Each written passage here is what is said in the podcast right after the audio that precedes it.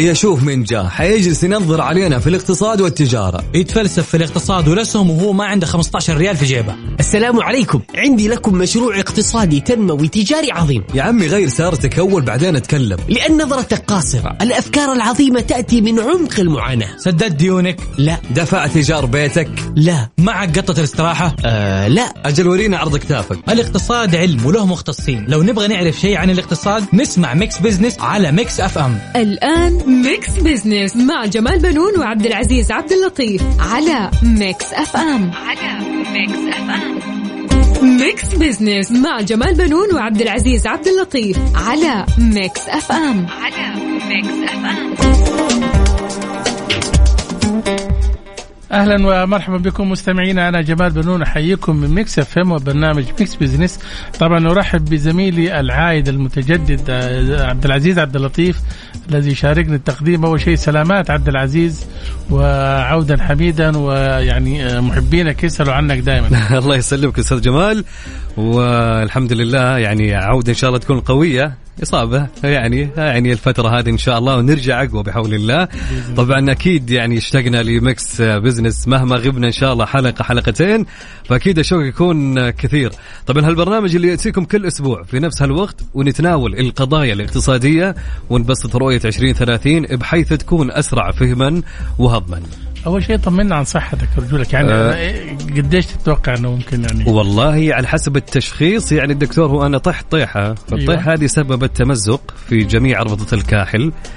فيعني يبغى لها راحة خلينا نقول لمدة أسبوعين. من أسبوعين لثلاثة أسابيع. فنقول إن شاء الله أسبوعين والأمور تكون تمام. إن شاء الله. سلامات وما الله قدامك إلا يسلمك إن شاء الله, ان شاء الله. يسعدك ربي. آه، طبعا آه، عبد العزيز آه، خلينا نبدأ مشوار حلقتنا اليوم بالخبر الأحدث.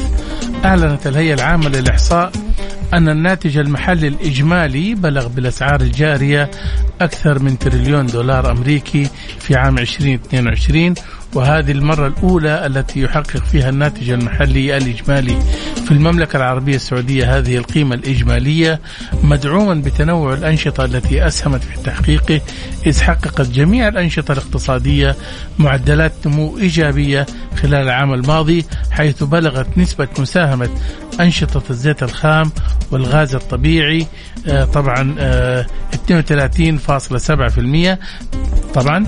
طبعا أستاذ جمال تليها أنشطة الخدمات الحكومية بنسبة 14.2% وتليها أنشطة الصناعات التحويلية ما عدا تكرير الزيت بنسبة 8.6% ثم أنشطة تجارة الجملة والتجزئة والمطاعم والفنادق بنسبة مساهمة قدرها 8.2%. طبعا وكشفت عبد العزيز نتائج التقرير وجود نمو إيجابي. في الأنشطة غير النفطية بمقدار ف- 5.4% خلال العام الماضي وبلغت أنشطة التنقل النقل والتخزين والاتصالات أعلى معدلات النمو في الأنشطة غير النفطية بمقدار 9.1 تليها أنشطة الصناعات التحويلية ما عدا تكرير الزيت بنسبة 7.7%. وفي إطار الربع الرابع من عام 2022 كشف التقرير أن الناتج المحلي الإجمالي الحقيقي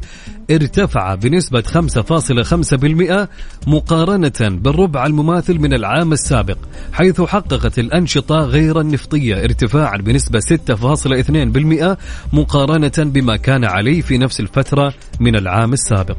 طبعا أظهر التقرير أيضا نمو الناتج المحلي الحقيقي للأنشطة النفطية خلال الربع الرابع من العام الماضي طبعا بنسبة 6.1 مقارنة بما كان عليه في نفس الفترة من العام السابق. في 2021 فيما حقق الناتج المحلي الإجمالي الحقيقي المعدل موسميا خلال الربع الرابع من العام الماضي ارتفاعا بلغت نسبته 1.3% مقارنة بما كان عليه في الربع الثالث من العام الماضي. طبعا من جهة أخرى حققت الميزانية السعودية خلال 2022 فائضا فعليا قيمتها 103 مليار و900 مليون ريال مقابل توقعات سابقة بتسجيلها 102 مليار ريال. طبعا أستاذ جمال جاء الفائض الفعلي بعد تحقيق إيرادات قيمتها تريليون و268 مليار مقابل مصروفات تريليون و164 مليار ريال. بينما كانت التوقعات بإيرادات قيمتها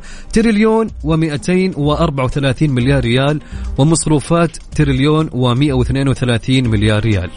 الحقيقة أرقام كلها آه، جدا رائعة آه، ومفرحة الحقيقة. وأيضا تكملة الخبر الحقيقة عبد العزيز وبحسب بيان وزارة المالية بلغت الإيرادات للربع الرابع 318 آه، مليار ريال والمصروفات 363 مليار ريال و700 مليون ريال. والعجز بلغ 45 مليار و700 مليون ريال. طبعا ارتفعت الإيرادات النفطية إلى 194.2 مليار ريال بنهاية الربع الرابع 2022 وبنسبة 17% عن الربع المماثل من العام 2021 التي كانت 165.5 مليار ريال. طبعا نمت الإيرادات غير النفطية بنسبة 19% وبلغت 123 مليار و800 مليون مقابل 103 3 مليار و700 مليار آه، ريال في الربع المقارن في العام السابق.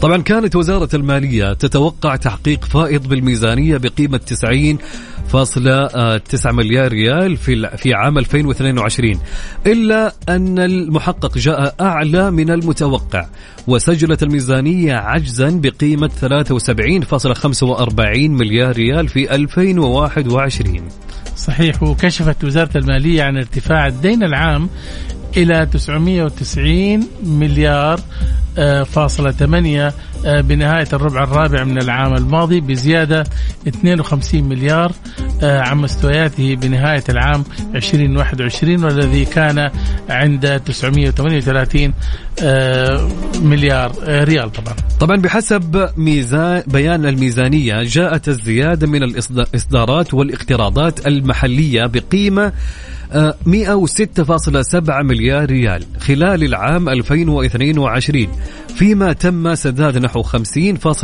مليار ريال من أصل الدين خلال نفس الفترة. ووفقا لما أفصح عنه البيان فإن مستوى الديون الخارجية انخفض إلى 375.13 مليار ريال بتراجع 4.14 مليار ريال عن مستوياته بنهاية العام 2021 الذي كان 379.263 حيث تم إصدار 18.75 مليار ريال ديون خارجية وتم تسديد 22.8 مليار ريال ديون خارجية. صحيح. عبد العزيز طبعا في شأن آخر آه، من المنتظر أن تنشر وزاره العدل السعودية ضوابط وتفاصيل إيقاف الخدمات التي أقرها مجلس الوزراء السعودي برئاسة ولي العهد ورئيس مجلس الوزراء على ضوابط إيقاف الخدمات التي تستهدف المدينين آه الذين لا يتمكنون من الوفاء بالتزاماتهم المالية.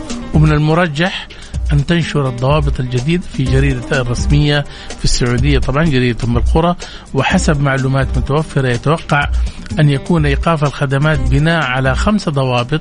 هي سند نظامي أو قرار من مجلس الوزراء أو أمر سامي أو قرار قضائي أو أمر من النيابة العامة. طبعا للتوسع عبد العزيز أكثر حول هذا القرار وأثره على الدائن والمدين يسرنا أن يكون معنا من الرياض الدكتور ماجد محمد قاروب محامي ومستشار قانوني من الرياض. طبعا مرحبا بك دكتور ماجد في Mix Business مرحبا بك. كيف حالك أخوي جمال؟ والحمد لله على سلامة زميلنا العزيز. وإصابة عمل ولا هي رياضة ما تعرف. التعليق كأنه إصابة ملاعب. رياضيه لكن الف حمد لله على السلامة. الله يسلمك دكتور ماجد. خلي خلي خليني أسألك في البداية دكتور من وجهة نظرك ما هي أهم ملامح الضوابط آه، الجديدة لإيقاف الخدمات؟ شوف جمال آه، أول شيء قديش عندنا وقت عشان نعرف آه لا لا تفضل خذ راحتك. طيب. أهم شيء نوصل المعلومة للسادة المستمعين. أيوه. آه أرحب بالسادة المستمعين وأحب أقول للجميع حقيقة آه اليوم أهم محكمة من المحاكم متخصصة بالمنظومة القضائية تحت وزارة العدل وديوان المظالم هو محكمة هذه نحطها على جنب. نيجي جنبها نسمع ونستحضر. قلت محكمة إيش؟ لأن الصوت صراحة أختفى. محكمة محكمة التنفيذ. التنفيذ طبعا. نعم. تفضل. اللي هي معنية بالموضوع آه، اللي نتكلم عنه اليوم.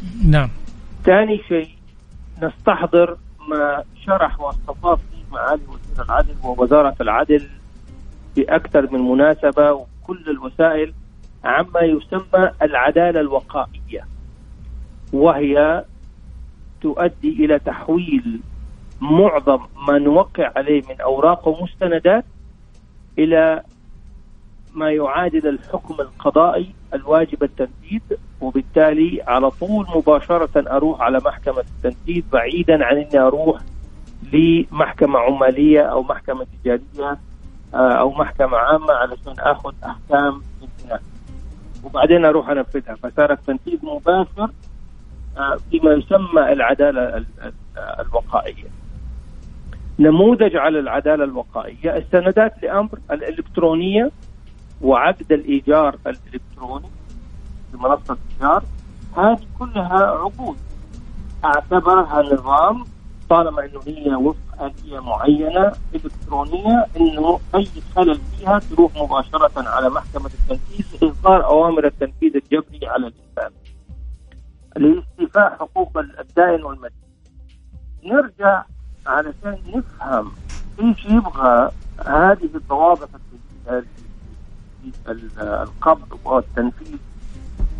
إنه لازم أقرأ المشهد الاقتصادي الكامل من حيث تعديل التشريعات القانونية والقضائية علشان أشوف نظام الشركات وأشوف نظام الإثبات وأشوف غيره من الأنظمة والقوانين ذات العلاقة. اللي غيرت المشهد الاقتصادي السعودي بصورة قانونية ورقية إلى الآن. نعم فينا انه المجتمع الاعمال يفهمها. اليوم إحنا نتحدث عن مجتمع أعمال كان يعيش حاله من العشوائية التشريعية والقضائية والتنفيذيه وأيضا الرقابية ولذلك وصلنا إلى مراحل خطيرة من الفساد. اليوم نريد أن نغير هذا المشهد والخروج من مرحلة العشوائية إلى مرحلة الاحترافية تعززها آه، تشريعات وقوانين واضحة تعززها آه، آه، قوانين مهمة زي التنافسية ومكافحة ال- الاحتكار وتعزيز النزاهة والشفافية تعززها مؤسسات حكومية تقوم بعملها وفق هندسة إجرائية صحيحة. وبالتالي يتحول مجتمع الأعمال في كل مفاصله إلى مجتمع محترف أكثر من كونه عشوائي كما كنا في الماضي. تمام؟ جميل. نعم. هذه الاحترافية اليوم اللي نتحدث عنها تخلي أسلوب البيع والتسويق والعرض والتعامل اللي كان في طبعا قضايا التستر وقضايا الغش وقضايا التدليس وقضايا الخداع هذا كله لم يعد موجودا. نعم. فأنا اليوم لما في قاعدة شرعية وقانونية معناتها تقول المفرط أولى بالخسارة فانت فرطت في الأول أو غشيت في الأول تأخذ نتيجة غشك. كيف هذا الكلام يصير؟ أنا اليوم بنك عندي واحد راتبه 10000 ريال لا يجوز وفق نظام العمل إني أقتطع أكثر من 30 آه 30% أو ثلث راتبه مقابل ديون وأقساط. تمام؟ فمثلا هذا أبو راتب 10000 ريال إذا أبغى أديله قرض لازم إني ما أتجاوز حدود إمكانية الاستقطاع منه ومن راتبه لسداد القرض. اللي بيصير اليوم تلاقي البنوك بتديله 300 و400 و500 ألف ريال. طيب هذا الرجال كسر ظهره وتروح توقع معاه اتفاقية تخالف النظام. تمام؟ لأنه النظام من هنا ما عاد صار هذا الالتزام يا دكتور لما يكون عنده التزام مع مؤسسة حكومية أو بنك. حتى بس الأفراد- أنا أنا بحاول أدي لك أمثلة ونماذج نعم. فلما تيجي تروح لمحكمة التنفيذ جاء هذا الشخص ما قدر يلتزم جاء تنفذ وتقول أنا والله أنا أستقطع من الراتب الراتب هنا لن يستقطع أكثر من الثلث. الصوت بعيد يا دك- دكتور ماجد يا بس آه آه، أيوه. ال- ال- النظام لن يستقطع أكثر من الثلث. نيجي لشركات بيع السيارات أيضا لما تجي لواحد راتبه 7000 8000 ويجيب لك خطاب من جهة عمله وكثير من الناس بتجيب خطابات من جهة العمل برواتب عالية دون أن نتحقق. أنت بس يهمك إنك تبيع له السيارة وتوقع له سندات تأمر. تيجي عند الواقع. ما في في في لحظة خلل كبيرة وخطيرة جدا في مجتمع الأعمال نعم. من المدين للداعن تمام والعكس لأنه هذا يبغى يصرف بضاعة بأي شكل وهذا يبغى البضاعة بأي شكل وبالتالي تلاقي الورق كله مضروب فهمت علي كيف؟ المهم وقع وخلص عشان نديك السيارة، وقع وخلص عشان تستاجر السيارة. لكن الواقع اليوم المجتمع الدولة تريد المجتمع العشوائي يتحول إلى مجتمع احتراف. نعم يستطيع أن يتعامل بصورة أفضل. نعم. مثلا في بيع الشقق واحد ما عنده راتبه 5000 ريال 7000 ريال فين تروح تبيع له شقه بمليون ريال فهمت علي كيف؟ نعم فأنت اليوم أنت بتصب أنت يا صاحب المال والبضاعة بتدخل نفسك في مأزق مع العميل حقك والدائن اللي انت تعرف من بدري انه هو ما حيقدر يوفي بالالتزامات هذه. نعم جميل. دكتور. ماجد آه، وضحت الصورة لكن كيف يستطيع الدائن استيفاء حقوقه في ظل تمتع المدين بحرية وعدم ممارسة ضغوط لا لا عليه؟ لا. لا لا. شوف لازم تفهم النص الأول اللي أنا شرحته مم. تسالني السؤال هذا. هذا الرجال أصلا ما عنده فلوس. أنت ضحكت عليه وضحكت على نفسك في انك بعت. ومدير التسويق راح أخذ بونص من من الشركة ومدير المبيعات عمل التارجت والكلام الفاضي هذا كله.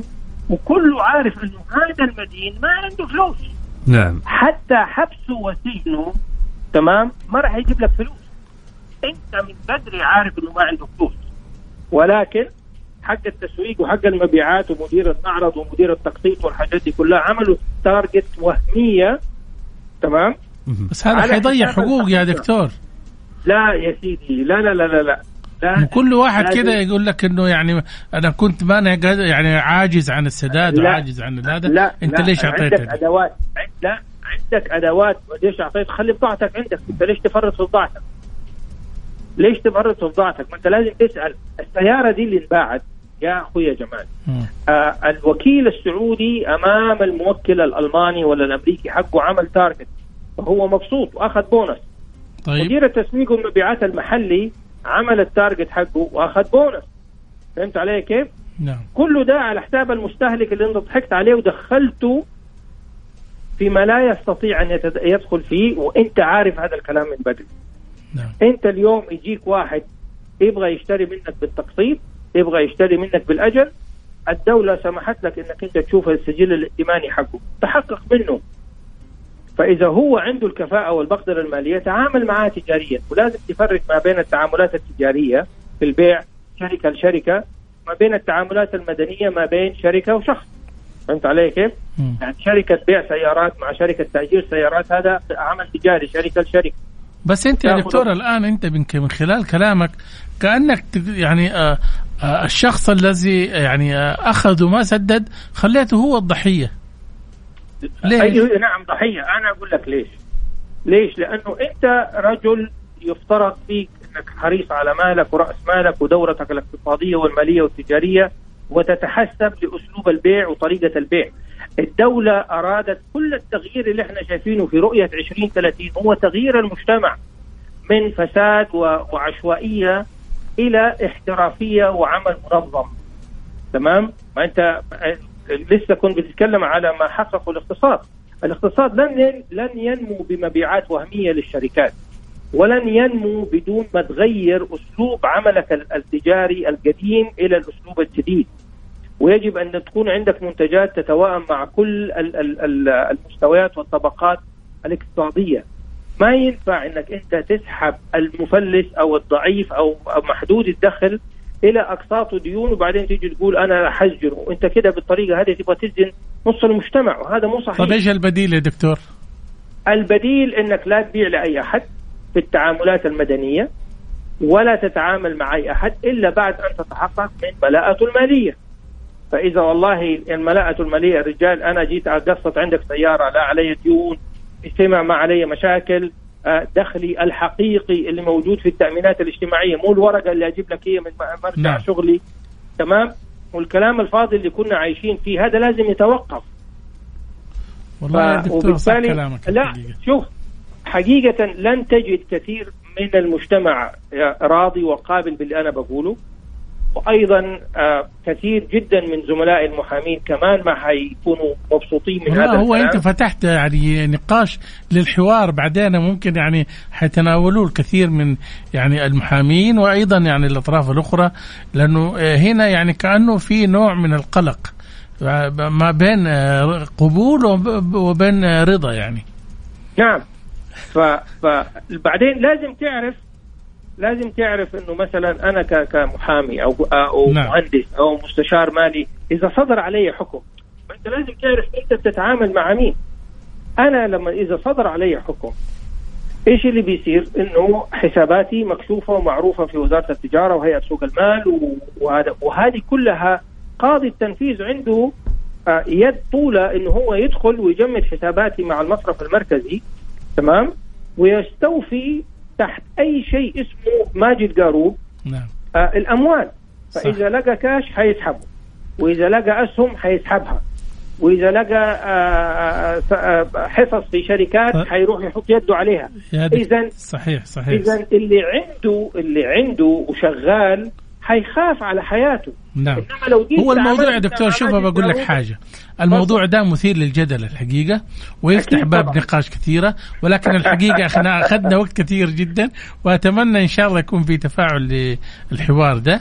أه وأشكرك جدا لمشاركتك معنا دكتور. بالعكس شكرا لكم ويجب انه نعرف إنه هذه حقيقة نقطة إيجابية مهمة جدا لتطوير المجتمع السعودي بشكل عام والاقتصادي بشكل خاص. إن شاء الله. مرحلة بالتأكيد. العشوائية إلى الاحترافيه شكرا جزيلا لك. شكرا لك. شكرا جمال مستمعينا كان معنا الدكتور ماجد محمد قاروب محامي ومستشار قانوني كان متحدث حول آه، الضوابط الجديدة في إيقاف الخدمات.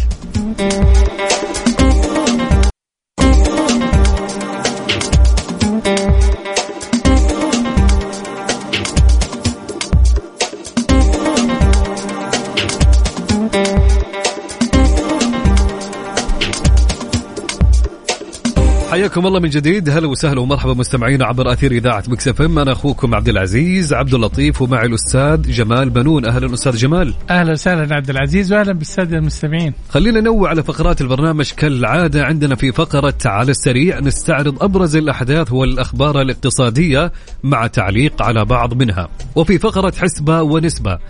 السؤال المطروح على مواقع التواصل وحساب Mix FM على تويتر. إذا كنت تتعامل مع منتجات وزارة الإسكان. فما هو انطباعك عن هذه المنتجات؟ ستقضي على ارتفاع الأسعار؟ هذا الخيار الأول. هل راح تقضي على ارتفاع الأسعار؟ أو منتجات غير كافية؟ أو المس المساحات؟ صغيرة. إيش رأيك أستاذ جمال؟ والله طبعا أنت عارف اليوم الطلب على المساكن أو تملك المساكن مرتفع جدا وطموح كبير عند ال- الناس. ولكن آه، ملاحظ يعني آه، قرأت أنا في كثير من الصحف إنه هناك نوع من الانزعاج عند المواطنين خاصة الأسر اللي عندها عوائل كبيرة مثلا. يقول لك المساحات ال- الغرف صغيرة والمساحات صغيرة فبالتالي ما تعطي حرية في آه، يعني الحركة أكثر يعني. وأيضا كمان بيقول لك إنه آه، آه، ممكن تكون الشقق أكثر من الفلل. فبالتالي صحيح. اليوم الطلب على الفلل أنت عارف النمط السكني عند ال- العوائل السعودية اللي هو دائما ال- السكن في فلل ومساحه كبيرة يعني جدا. وزي ما قلنا المساحات الصغيرة حتى الشقق الناس بيقولوا يعني هذه صغيرة. ولكن ربما يكون هناك مخطط عند وزارة الإسكان. لا لا إنه تبى تبيع آه، آه، يعني مشتقات آه، سكنية آه، بسعر أقل يعني.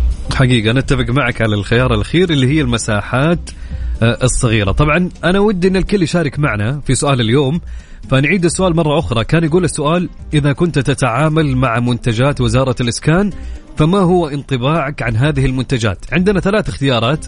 الاختيار الأول ستقضي على ارتفاع الأسعار. الاختيار الثاني منتجات غير كافية.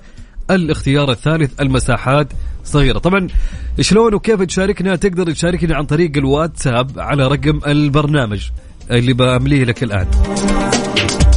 على صفر خمسة أربعة ثمانية وثمانين إحدى سبعمية. صفر خمسة أربعة ثمانية وثمانين 11700 وفي فقرة Spotlight نتعرف على أسلوب وطريقة صناعة الأثر المجتمعي وكيفية تحقيق النجاحات في عالم المال والأعمال. طبعا للحديث أكثر ستكون معنا الأستاذة يارا عبد الملك حجازي سيدة أعمال في قطاع صناعة الأثر المجتمعي. في اتصال هاتفي معنا اليوم إن شاء الله. أكيد أستاذ جمال كل هذا وأكثر اليوم. أكيد في Mix Business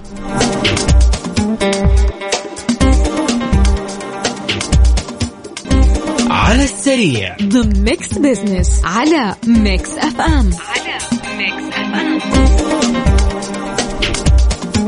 حياكم الله مستمعينا عبر أثير إذاعة Mix FM أنا أخوكم عبد العزيز عبد اللطيف ومع الأستاذ جمال بنون. أهلا أستاذ جمال. أهلا عبد العزيز واهلا بالسادة المستمعين. طبعا على السريع نستعرض أهم وأحدث الأخبار الاقتصادية. الخبر الأول يقول اتفاقية تعاون مع منشآت لتنظيم خدمة خدمة منح الامتياز التجاري لمحطات الوقود.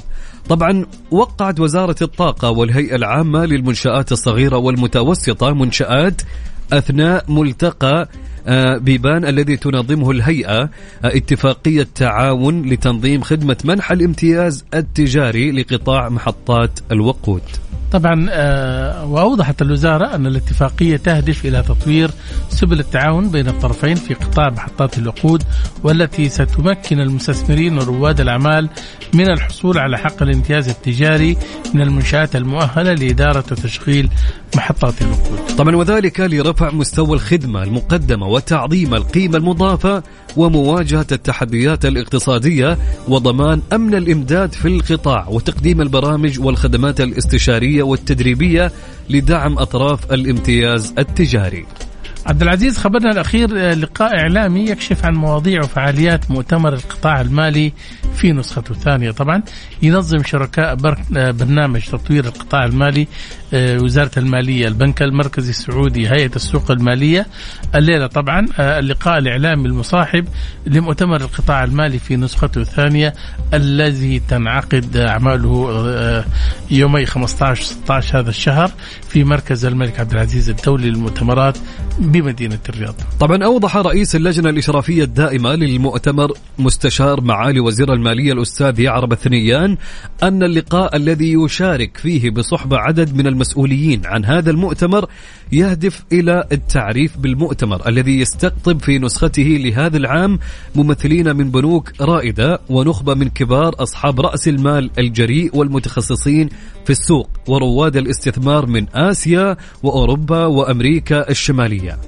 طبعا آه، حيث يستعرضون مع خبراء إقليميين عددا من المواضيع ويشاركون في جلسات حوارية تتناول محاور مهمة إضافة إلى الكشف عن الاتفاقيات والإعلانات التي ستتم خلال المؤتمر وكذلك استعراض الفعاليات المصاحبة كالمعرض وورش العمل المتخصصة.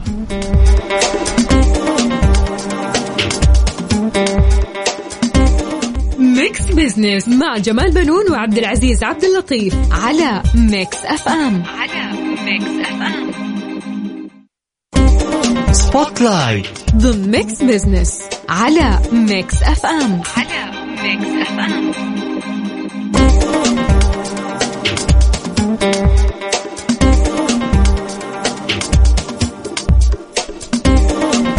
حياكم الله مستمعينا عبر أثير إذاعة مكس إف أنا أخوكم عبد العزيز عبد اللطيف ومع الأستاذ جمال بنون. أهلا أستاذ جمال. أهلا عبد العزيز وأهلا بالسادة المستمعين. دخلت مجال قطاع الأعمال في سن مبكرة واختارت صناعة الأثر المجتمعي طريقا نحو المستقبل. تمارس متعتها في عدة مجالات منها قمرة برنامج لتمكين صانعو الأفلام. وبرنامج سكني لتمكين مواطني السعودية من تملك مسكن أول وبرنامج ريالي. برنامج للتوعية بالوعي المالي. مشروع قياس تجربة المواطن وتطبيق وطني. طبعا نتعرف أكثر على رحلة المليون متر في قطاع الأعمال مع الأستاذة يارا عبد الملك حجازي سيدة أعمال في قطاع صناعة الأثر المجتمعي. آه مرحبا بك أستاذة يارا في Mix Business أهلا. السلام عليكم. وعليكم السلام. هلا وسهلا. ومرحبا. في البداية حدثينا آه أستاذة يارا أنت آه قدت عدة مبادرات لخدمة المجتمع. ممكن نتعرف على هذه المبادرات؟ آه، تمام أكيد. آه، راح أعدد عدة أمثلة منها. آه، آخرها اللي آه، ختمناها أمس آه، كانت حملة توعوية من الهيئة العامة للغذاء والدواء بالشراكة مع آه، جهات عدة. آه، كانت حملة المتسوق الذكي التي تخص آه، صغار السن اللي هم المر... الم- المرحلة الابتدائية العليا رابع خامس سادس لتوعيتهم بالسلامة الغذائية وطريقة التسوق بشكل سليم واختيار المنتجات السليمة. حملة هذه طبقناها على مستوى المملكة في عدة مناطق. منها مدينة جدة الرياض تبوك والمنطقة الشرقية. واستهدفنا الأطفال في- وقت تسوقهم مع العائلة مع الوالدين. آه، صممنا لهم جناح آه، آه، جناح توعوي أو أو mini supermarket زي ما بنقول mini supermarket فيه له منتجات بحيث يجربوا تجربة التسوق كاملة. ونشوف كيف بيسووا بيصنعوا قرارهم إيش البيهيفير أو إيش السلوكيات اللي بيتبعوها عند اختيار المنتجات السليمة أو لا. ومع المثقف ال- المختص آه، بيشرح لهم كيف يختاروا المنتجات السليمة وبعد كده نقيس نقيس مدى وعيهم ومدى استفادتهم من هذه المبادرة. آه، شارك فيها أكثر يعني في حدود الألف أكثر من 700 أو 800 شخص. الأرقام لسه ما وصلتني لأنه أمس آه، انهينا المبادرة كاملة. آه، ولكن دائما مستمرين في قياس أثر الأثر المجتمعي لهذه المبادرات آه، ابتداء من الفكرة والتصميم ووضع مقومات قياس الأثر إلى التنفيذ إلى ما بعد ال- ال- الانتهاء وإغلاق الحملة. من الحملات الأخرى التي شاركت فيها أو قدتها من خلال شركتي شركة يومن برنامج ريالي للوعي المالي آه، هو برنامج قائم جدا مؤثر ولكن عملنا معهم على مبادرات عدة مع البرنامج آه، من خلال هذا البرنامج آه، مسابقات على مستوى جميع المدارس في المملكة هل البرنامج آه. ده توعوي يا استاذه يارا؟ أيوه هذا هذا ب... هذه أصلا مؤسسة ريالي هي مؤسسة غير ربحية آه هدفها نشر الوعي المالي لفئات عدة فإحنا نعمل معهم على خلق هذه المبادرات وخلق هذه البرامج منها كانت تستهدف بعضها كانت تستهدف آه، آه، نشر الوعي المالي آه، لطلاب الجامعات وصممنا برامج واشتغلنا معاهم عليها ويعني شغلناها ووثقناها وقسنا أثرها. وبعضها بتكون لطلاب المدارس بعضها لجميع المراحل. ففي آه، عدة آه، فئات بنستهدفها. وهدفها النهائي الوعي المالي وقياس نشر الوعي المالي وقياس الن- ال- ال- النشر ال- وقياس الوعي المالي عند الفئات المستهدفة. كمان اشتغلنا مع مجلس شؤون الأسرة صممنا لهم بر- برنامج كامل هاكاثون الإدماج الرقمي لكبار السن وكان جدا هذه المبادرة كانت جدا عزيزة على قلبي وجدا آه، إنسانية الصراحة. لأنه آم، آه، كان فيها آه، أشركنا جميع أطراف المجتمع ال- الأكاديمي الطالب المتخصص المتخصصين في مجال التقنية وغيره لخلق حلول لتحسين جودة حلول تقنية لتحسين جودة كبار السن. طبعا هذه كانت مبادرة على على مدى عدة أشهر وخلال هذه المبادرة صممنا المبادرة أعلنا عنها حملة حملات توعوية. هذه خدمتوا فيها كبار السن؟ آه، صحيح. وانتهت بإطلاق آه، آه، حلول تقنية لخدمة لخدمة حياة كبار لخدمة حياة كبار السن أو لخدمة جودة حياتهم.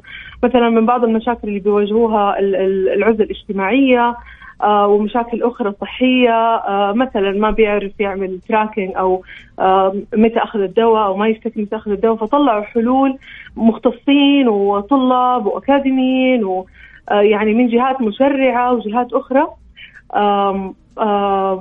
اجتمعوا كلهم في مكان واحد في مبادرة واحدة ل آه، يعني ابتكار منتجات أو حلول لكبار السن. نعم هذه بعض ال بعض ال المبادرات.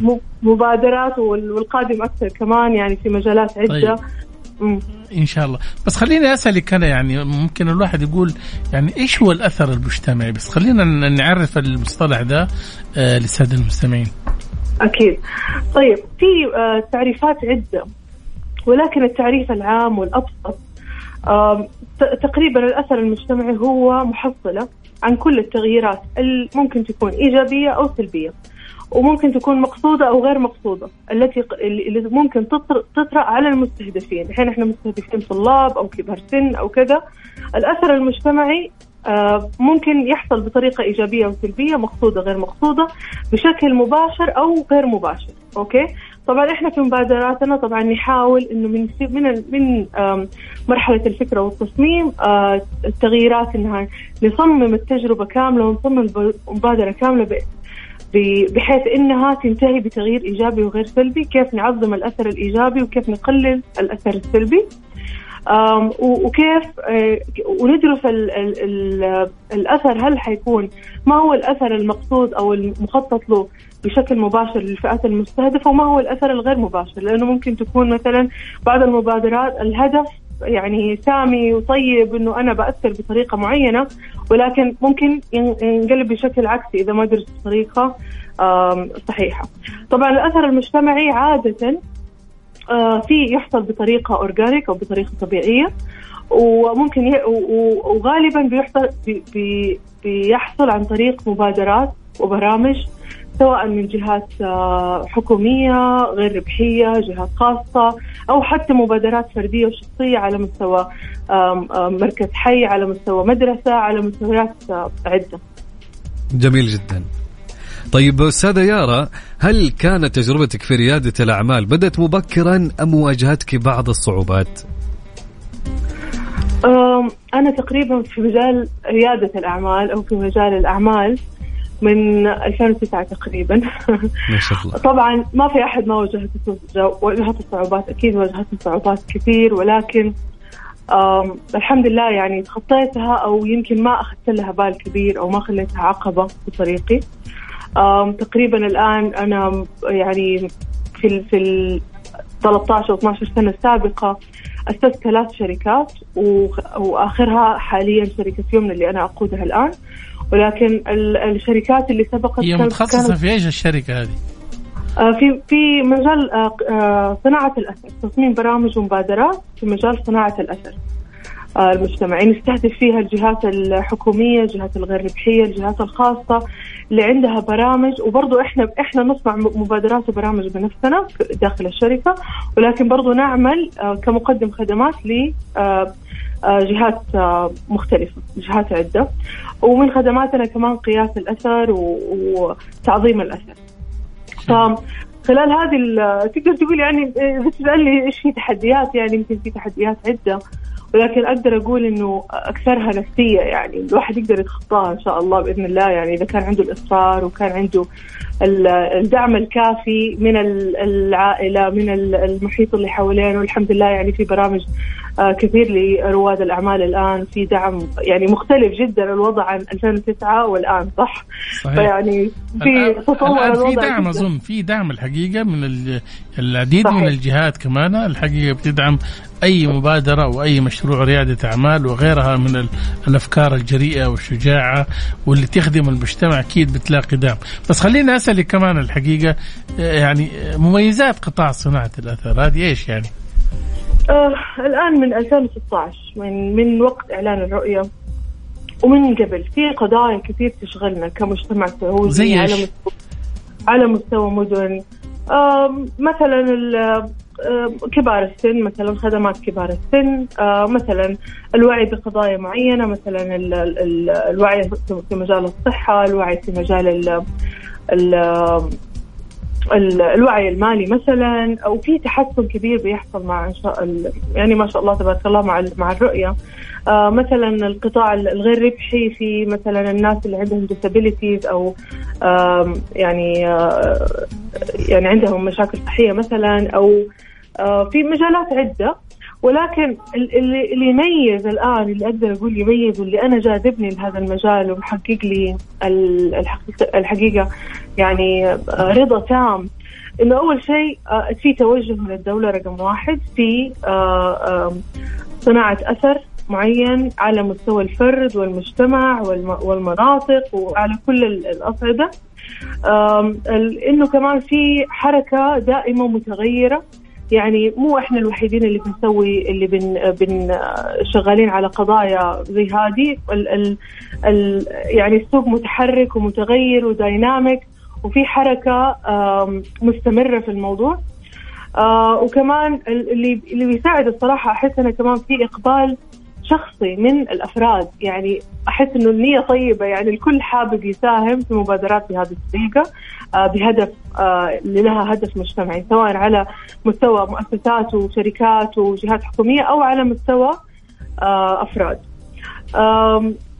يمكن أكثر شيء مو مفيد يعني مرضي من جد ويجيب السعادة للشخص إنه يشتغل في برنامج من من مرحلة الفكرة ويتابع الموضوع يعني خلال أشهر أو سنة أو سنتين يعني مدة تعتبر قصيرة ممكن يشوف نتائج سواء معاينة يعني حيشوفها مثلا من خلال مثلا حملتنا مع اللي هي كانت للأطفال اللي بتخص السلامة الغذائية حملة المستوق الذكي نعم. يعني وقت وإحنا في الفعالية وإحنا في خلال هذه المبادرة بنشوف التفاعل مع الأطفال انبهارهم أسئلتهم بنحس بالأثر آه، بشكل مباشر. وبعد كذا خلال قياس المبادرة وخلال خلال قياس أثرها على فترات مختلفة سواء قصيرة أو متوسطة أو طويلة المدى بنشوف كمان أرقام ويعني آه، إثباتات إنه مثلا كان نسبة الأثر في هذه المبادرة أو غيرها بنسبة معينة. فهذا يعني يجيب الصراحة الكثير من السعادة والرضا الشخصي على المستوى الشخصي. بالتأكيد.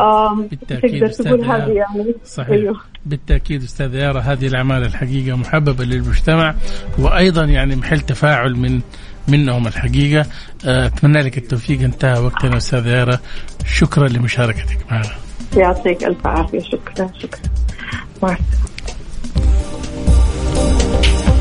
مستمعينا كانت معنا الأستاذة يارا عبد الملك حجازي سيدة اعمال في قطاع صناعة الأثر المجتمعي كانت تتحدث معنا عبر الهاتف.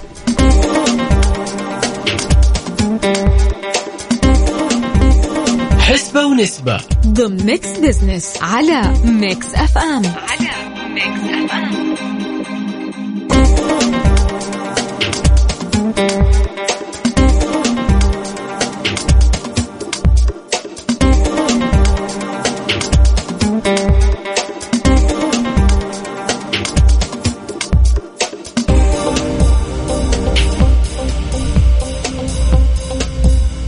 حياكم الله من جديد. هلا وسهلا ومرحبا مستمعينا عبر أثير إذاعة Mix FM أنا أخوكم عبد العزيز عبد اللطيف ومع الأستاذ جمال بنون. أهلا أستاذ جمال. أهلا عبد العزيز واهلا بالسادة المستمعين. طبعا في حسبة ونسبة. كان يقول سؤالنا اليوم آه، آه، إذا كنت تتعامل مع منتجات وزارة الإسكان فما هو انطباعك عن هذه المنتجات؟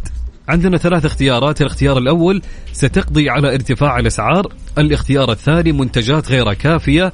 الاختيار الثالث المساحات صغيرة. طبعا آه عندي تعليق آه قبل ما أروح للنسب طيب. الموجودة معنا في تويتر والتصويت. آه طبعا في إجابة من صديقتنا أمل إبراهيم. هلا وسهلا يا أمل مساء الخير. تقول صراحة أختار إجابة رقم ثلاثة مساحة الشقق صغيرة جدا وبالإضافة لارتفاع الأسعار وحتى خدمات الماء والتصريف غير متوفرة. في المخططات يعني قصدك في البشاير ما وضحت آه. قالت الشقق يمكن خلينا نقول ممكن. أي والله يجوز لا لا يعني هي أكيد ما قالت الكلام ده إلا هي إذا كان ممكن سمعتها مم. من أحد من معارفها وأصدقائها أو هي عاشت التجربة هذه طبعا بس خلينا نشوف النتائج الآن طبعا نبدأ بالنسبة الأقل أستاذ جمال معنا النسبة الأقل آه، حصلت على 23% ستقضي على ارتفاع الأسعار. الناس شاكة يعني. بالضبط. شاكة إنها ممكن تنخفض الأسعار. بس ولكن إذا كان في يعني آه، أصبح يعني آه، العرض أكثر من الطلب ممكن يعني يعني ممكن تكون في يعني الأسعار تنخفض يعني. ويكون أنا شايف في مشاريع كثيرة إسكانية الآن في الرياض وفي جدة وفي مكة في مخططات جديدة يعني بتطلع. والمطورين العقاريين شغالين فيها نعم. ولكن ما أدري ليش آه، آه، أقل نسبة جات إنه هي تت- تقضي على الأسعار آه، طبعا النسبة اللي بعدها حصلت على 30% منتجات غير كافية والنسبة الأولى 47% هي المساحات الصغيرة. طبعا الكل اتفق على نفس الإجابة اللي أنت صحيح صحيح. وأظن هذه ال- الآراء آه، عبد العزيز حتفيد المهتمين صحيح. والمسؤولين في وزارة الإسكان إنهم هم يلا- يلاحظوا التعليقات والملاحظات حقت ال- المستفيدين من هذه يعني المباني السكنية والوحدات والفلل. بالضبط. إن يعني يراعوا بعض الشيء. إذا كانت فيلا بمساحة شقة إيش بها صحيح. صح ولا لا؟ وإذا كان الشب آه، شقة قد عش دجاجة فبالتالي برضو ما حستفيد منها أنا. مساحات صغيرة فعليا. صح ولا لا؟ صح. فبالتالي يجب إن إحنا نراعي احتياجات آه، ومتطلبات الساكنين بحيث نوفر لهم الوحدات المطلوبة يعني. صحيح. بالتأكيد أستاذ جمال. أكيد يعني حتى برنامجنا اليوم كان خفيف ودسم في نفس الوقت. صحيح. طبعا وصلنا لختام هذه الحلقة من Mix Business ولقاءنا يتجدد بضيوف جدد وموضوعات جديدة بحول الله. طبعا نشكر ضيوفنا اللي شاركونا اليوم في حلقة Mix Business آه الأستاذة يارا عبد الملك حجازي سيدة أعمال في قطاع صناعة الأثر المجتمعي. طبعا وكان معنا من الرياض دكتور ماجد محمد قاروب محامي ومستشار قانوني. طبعا موعدنا يتجدد معكم الأسبوع المقبل إن شاء الله. نكون يعني إن شاء الله نكون قدمنا لكم حلقة دسمة وطبق من المعلومات المفيدة. في أمان الله.